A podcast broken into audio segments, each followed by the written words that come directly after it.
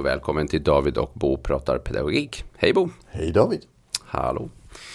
Eh, vi tänkte att vi nu eh, skulle ju göra en liten serie här tänkte vi om eh, de här tre begreppen hantera, utvärdera, förändra. Precis. Och att ja. vi börjar med hantera. Det är, det är den logiska stället att starta. Och det är nästan jag. det som jag tycker har varit spännande det här för att när du har beskrivit din resa så var det väldigt mycket det här med att man gick in och sa vad man borde ha gjort i förväg. Men sen plötsligt så kom det på, nej men vänta, man måste ju ägna sig åt vad ska vi göra i stunden också. Ja, man kan säga så när, när jag började, där, där, där var det bara folk som gick ut när folk sa, men vad ska vi göra när han kastar med möbler? Så sa han, ja. ni ska strukturera så han inte kastar med möbler. Och, och då sa folk, men vad ska vi göra när han gör det? Och ja. det var väl där jag började Just kan man det. säga. Så, så det, och lågaffektiva sprang ju ur det behovet att beskriva ja. vad gör vi. Så hantera det jag har sysslat mest med. Så det är ja. först senaste åren att, äh, att jag på allvar börjat prata om det andra. Det andra har vi ju alltid gjort också. Mm, ja. men, men, vi har inte strukturerat det på samma vis för det fanns det ju andra som hade gjort. Liksom. Ja, precis. Mm. Men sen fick vi ju kritik på lågaffektiva möten. De sa det hjälper inte på sikt. Och så sa man det är för att ni tror det bara är det ni ska göra man kan ju inte hantera, hantera, hantera. Man måste ju såklart också ta reda på varför det blir fel och sen göra förändringar. Just det, och det var då det här med att utvärdera för, för, för att sen kunna förändra eller, ja, precis, ja. Ja, eller, eller förebygga, förebygga ja, förändra. Precis, mm. Så hantera kan vi ju börja med. Ja, mm. precis. Mm. Och, och eh, egentligen är ju det ett ganska stort område för att hantera bygger ju på, och det är ju därför vi också har begreppet lågaktivt bemötande, alltså vi pratar om bemötande, för bemötande är någonting vi gör i stunden. Ja, precis. Ja. Eh, så eh, i stunden så, så bemöter vi och då och där har vi också hanterandet. Mm. Ja, så, så det alltså när, när stolarna flyger, när barn slår på varandra. Ja, du har ju varit väldigt involverad i, i de här kraftfulla situationerna. Ja. Hur hanterar vi dem? Ja, det är där mitt arbete har legat och där vi har utvecklat metod. Mm. Och man kan säga i skola och förskola är det ju inte där det händer så jättemycket. Nej, det, men det, när det händer så blir det ju otroligt jobbigt. Just för att där blir vi metodlösa. Ja. Eh, för skolan har inte utbildat sin personal på det. Nej. Och där är återigen som du är inne på, eh, om vi tror att lågaffektivt bemötande tar hand om alla situationer och allt här i världen så, så, är det inte, så stämmer det inte det. Utan Nej. det är, det är liksom eh, hanteringen här nu som vi pratar om, de här eh, kraftfulla, alltså väldigt ofta kopplat till mycket stark stress. Ja, precis. Och alltså också situationer där, där saker blir oväntade. Mm. Det, det, är oftast kopplat till flexibilitetsproblem hos eleven men mm. ibland också hos personalen. Ja, och folk är ju inte utbildade kan man ju lugnt säga för att eh, eh hantera eh, kaos. Nej. Man är utbildad för att hantera vardag. Ja, jag, jag brukar säga att eh, det jag upptäckte när jag blev psykolog det var att de hade ju glömt berätta för mig vad jag skulle göra när folk kastade med bajs på stadsbussen. Och när jag fick frågan i handledning första gången så blev jag lite ställd. Alltså, ja. För det hade de glömt berätta.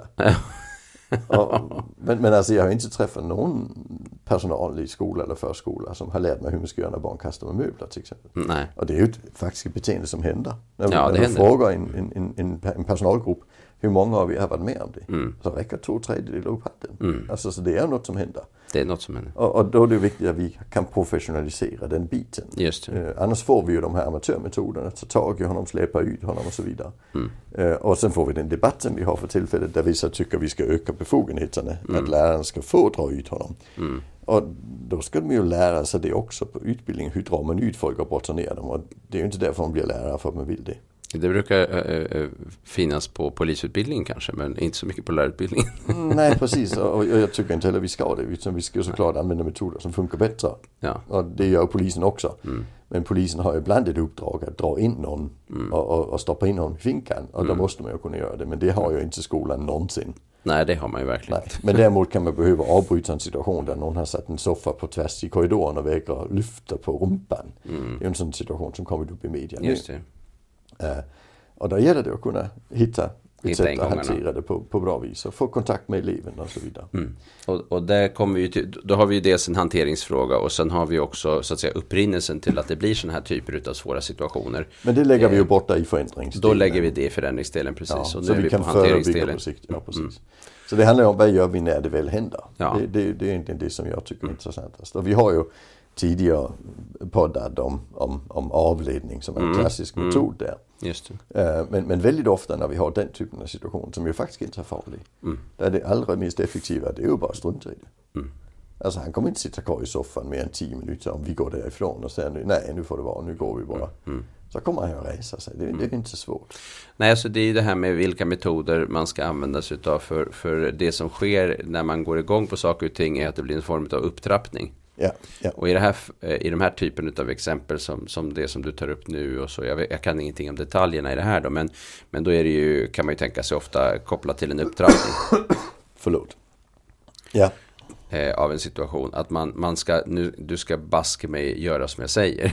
och så blir Ja. det liksom en det upptrappning. blir en lydnadsfokus och sen får vi en upptrappning och det, det blir inte bra. Nej. Och där har vi ju flera olika delar för att, eh, för att eh, avhjälpa det här. Jag menar, eh, och i, i vägranssituationer har vi ju någonting, men när det flyger stolar och annat, då är det ju någonting annat som gäller. Ja. Alltså jag brukar säga att det är en icke-farlig situation och då beskriver vi aldrig något som ofarligt. Alltså för det- saker kan ju alltid bli fel. Ja. Alltså så när man kör bil det är inte heller farligt att köra bil men, men det är inte ofarligt. Nej, Så därför kallar vi det en icke-farlig situation. Och det är vägran, det är till och med kast med möbler. Alltså det är ju ytterst få som har skadat sig i möbelkast. Om Nej. vi tittar på, alltså jag har träffat några extremt få personer som har gjort det. Ja, risken för att skadas är ju väl antagligen eh, är väl också mycket större om man så att säga ingriper och går Ja, fram och det är ska en- slita av någon stolen som Det, är på det är väg det att som är kärnan. Har vi en icke-farlig situation ska vi inte göra den farlig. Nej, vi ska inte göra den farligare. Och, Nej, och de, farlig. de jag har träffat som har blivit träffade av flygande stolar, de har ju i 80% av fallen närmat sig personer för att ta stolen. Mm. Därför har de blivit träffade. Och vi vet att, att närma sig någon kan öka risken för att han eller hon blir ar- ännu mer arg. Ja, eller, eller Det är en utav de här strategierna. Rädd är det ju oftast. Eller Ja, rädd, precis, ja. Mm. Eller stressad, ja. Ja, och, så, så, så man kan säga att klassisk flyga stolarna, töm, töm lokalen på andra elever, gå därifrån. Mm. Eh, vänta tills det går över och sen går vi in och utvärderar våra föräldrar. Mm. Det, det, det är inte det svåra. Och där har vi till och med forskning av Martin Goldwyn som har visat att det blir, det blir billigare. För Mm. det går färre möbler. Och, och sen är det några sådana träningseffekter, man tränar på att lugna ner sig. Så, Mm. så det, det, det tycker inte jag är det besvärliga. Nej, Eh, Faktiskt tror jag att den, just den situationen där personen vägrar Mm. och flyttar sig, vägrar lämna när man ber. Det blir mycket svårare för många personal. ja. För då blir det också kopplat till den här maktfrågan och vem är det som bestämmer här och ut- känslan av inkompetens. Ja, man utmanar makten. Man utmanar makt, ja. Ja, och, och, och där, där är det ju, det, det jag brukar säga det ja, men, alltså, han, han utmanar ju bara makten. Eller han utmanar makten. Han eller hon. Han eller hon, ja precis. Hen. Ja, utmanar makten och du kan välja att låta dig utmanas. Ja, Och du kan välja att låta bli. ja.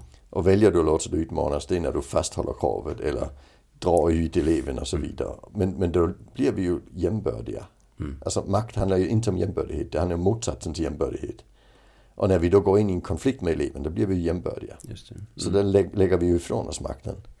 Och det motsvarar ju att om man tycker att statsministern är en idiot och skriver det på Facebook och sen statsministern ringer upp och säger vad fan skriver du? Det händer ju inte för då skulle statsministern ju förlora auktoritet. Så det handlar om att upprätthålla auktoriteten i den maktrelationen och det gör vi ju enklast om han vägrar flytta på så från soffan så säger vi sitt kvar där, vi går in och jobbar. Och så kommer han ju ge sig. Alltså utan att du, för att du låter dig inte utmanas. Som när statsministern säger man får gärna tycka en idiot är yttrandefriheten. Men så länge jag bestämmer är det jag som bestämmer. Hur svårt kan det vara? Alltså, så jag, jag tror det är väldigt viktigt att man tänker in det i hanteringssituationen. Att vi får inte hamna i en jämbördighet som, som barnet har provocerat fram. För då, för då Tappar vi eh, auktoritet. tappar vi auktoritet. Ja. Ja. Så auktoritet är något man får ju. Det är inte, ingenting man kan ta. Nej. Så därför gäller det ju att vara kvar i det. Så det, det, det alltså, så lite som möjligt i de icke-farliga situationerna. Och, och bara, nej men struntar vi i det och sen gör vi något annat. Liksom. Det är inte hela världen. Tycker vi att vi ska försöka, om det är ett väldigt litet barn och vi upplever att det här barnet är fångat i situationen, då avleder vi.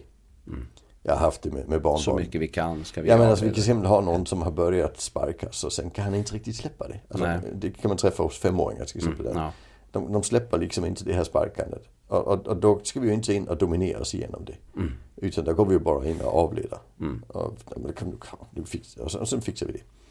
Eh, och där handlar det också i hanteringen där om att vi inte går för nära, inte tar tag med spända muskler för det ökar våldet. Inte kräver ögonkontakt och Just det. Förhålla oss lite på sniskan. Det, det är lågaffektiva klassiska strategier. Och det här med att inte vara över någon i höjd eller gå närmare eller ta på någon som också kan driva upp ilskan. Ja, precis. Mm. Men det är ju bara så länge vi har en icke-farlig situation. Mm.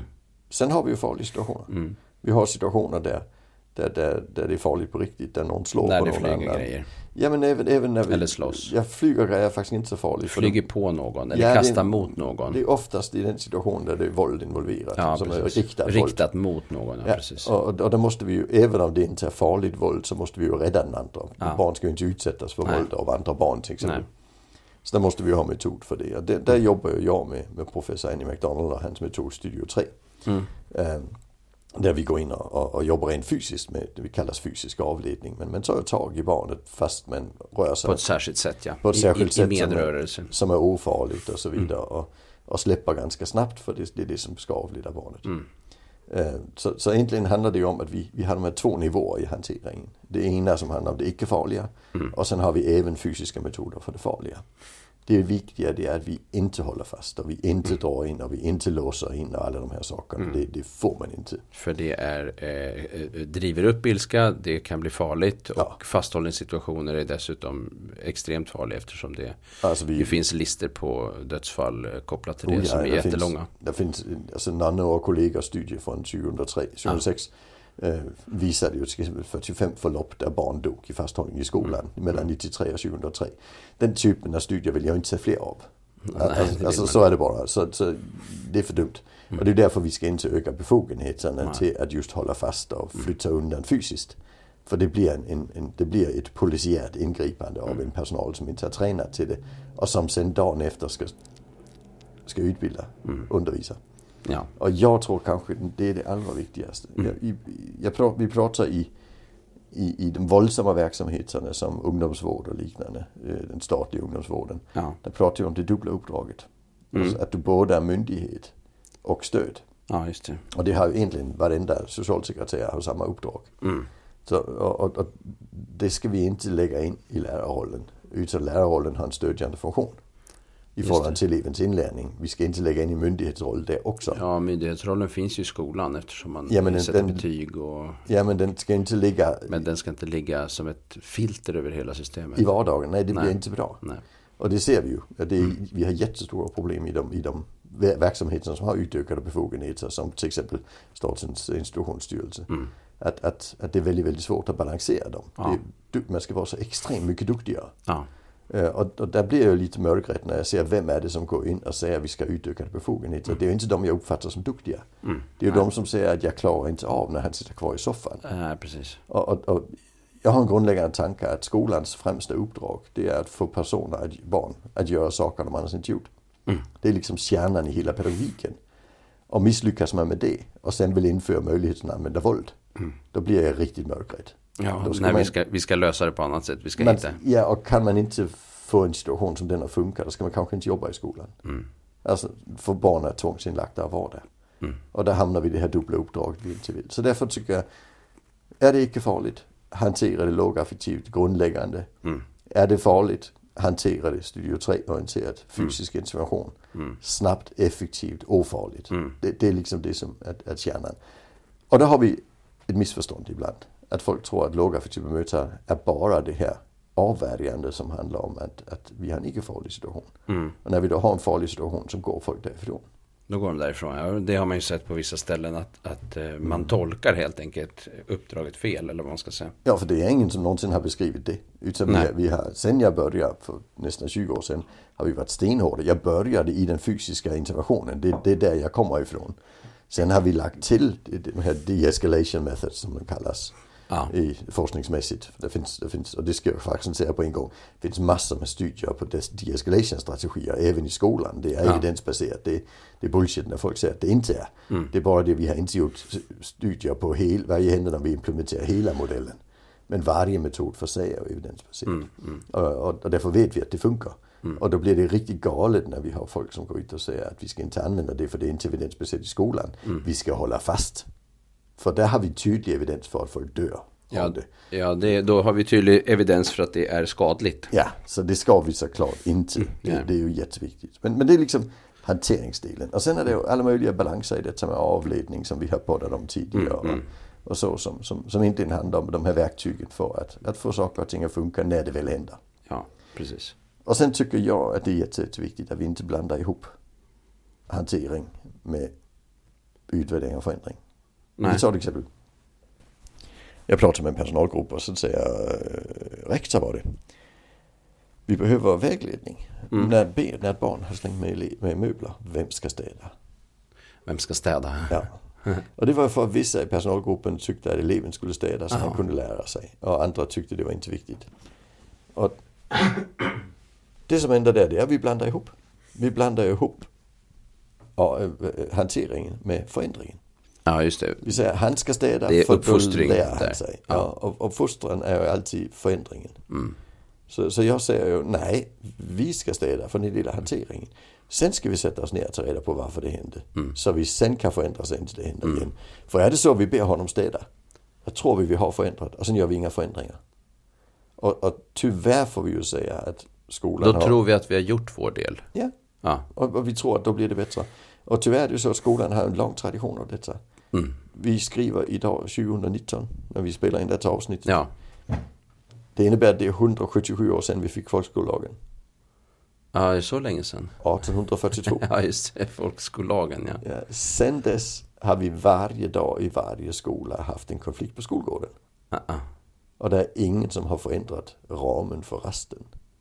Det är väldigt spännande. Det är enormt spännande. Mm. Vi har däremot fostrat på barn och fostrat på barn och fostrat på barn. Mm. Men vi har samma problem idag som vi hade 1842. Mm. Jag läste ordningsregler från en Stockholmsskola i 1909. Och de var precis likadana som Ja. i alltså det enda som var lagt till det var att det stod i ordningsregler att man skulle vara snäll hemma också. Men, men, men annars stod det saker som man får inte rita på väggarna. Och man får, alltså precis samma saker. Samma saker då. Så vi har haft de samma problemen och vi har fostrat oss igenom det. Vi har blandat ihop hantering och förändring. Mm. Eh, och, och det motsvarar ju att till exempel sjukhus, det tycker jag är jätteroligt. Om, om man upptäcker att vi råkade operera in en sax i en patient. Mm. Då är det ju inte den som opererade in den som ska operera ut den så han kan lära sig. Mm. Det är inte vår kvalitetssäkring. Vår kvalitetssäkring är att vi tar reda på hur det kunde hända och ser till att det inte ska hända igen. Och det är ju det vi ska snacka om i de kommande två poddarna. Ja, precis. precis. Så eh, vi avrundar här och eh, går över så småningom här då på eh, utvärdering och Ja. sen så Ja. förändring. Är det här helt nytt för dig? Det tror jag inte jag. Lågaffektiva mötena för då lyssnar du kanske inte på David och Bo pratar pedagogik. Men är det, läs på. Där finns ju faktiskt bra böcker. Ja, det jag det. har skrivit beteendeproblem i förskolan tillsammans med dig faktiskt. Ja, precis. Vi var, vi var dubbla författare på det. Ja. Och jag har skrivit beteendeproblem i skolan som handlar om hur vi använder det i skolan. Som är bra introduktioner. Och vi har det varit med i en antologin lågaffektivt bemötande som heter det Ja, rakt upp och ner på studentlitteratur. Så det finns lite olika Ja. sätt att ta reda på det. Så det. Bra, tack för idag. Tack för Tackar idag.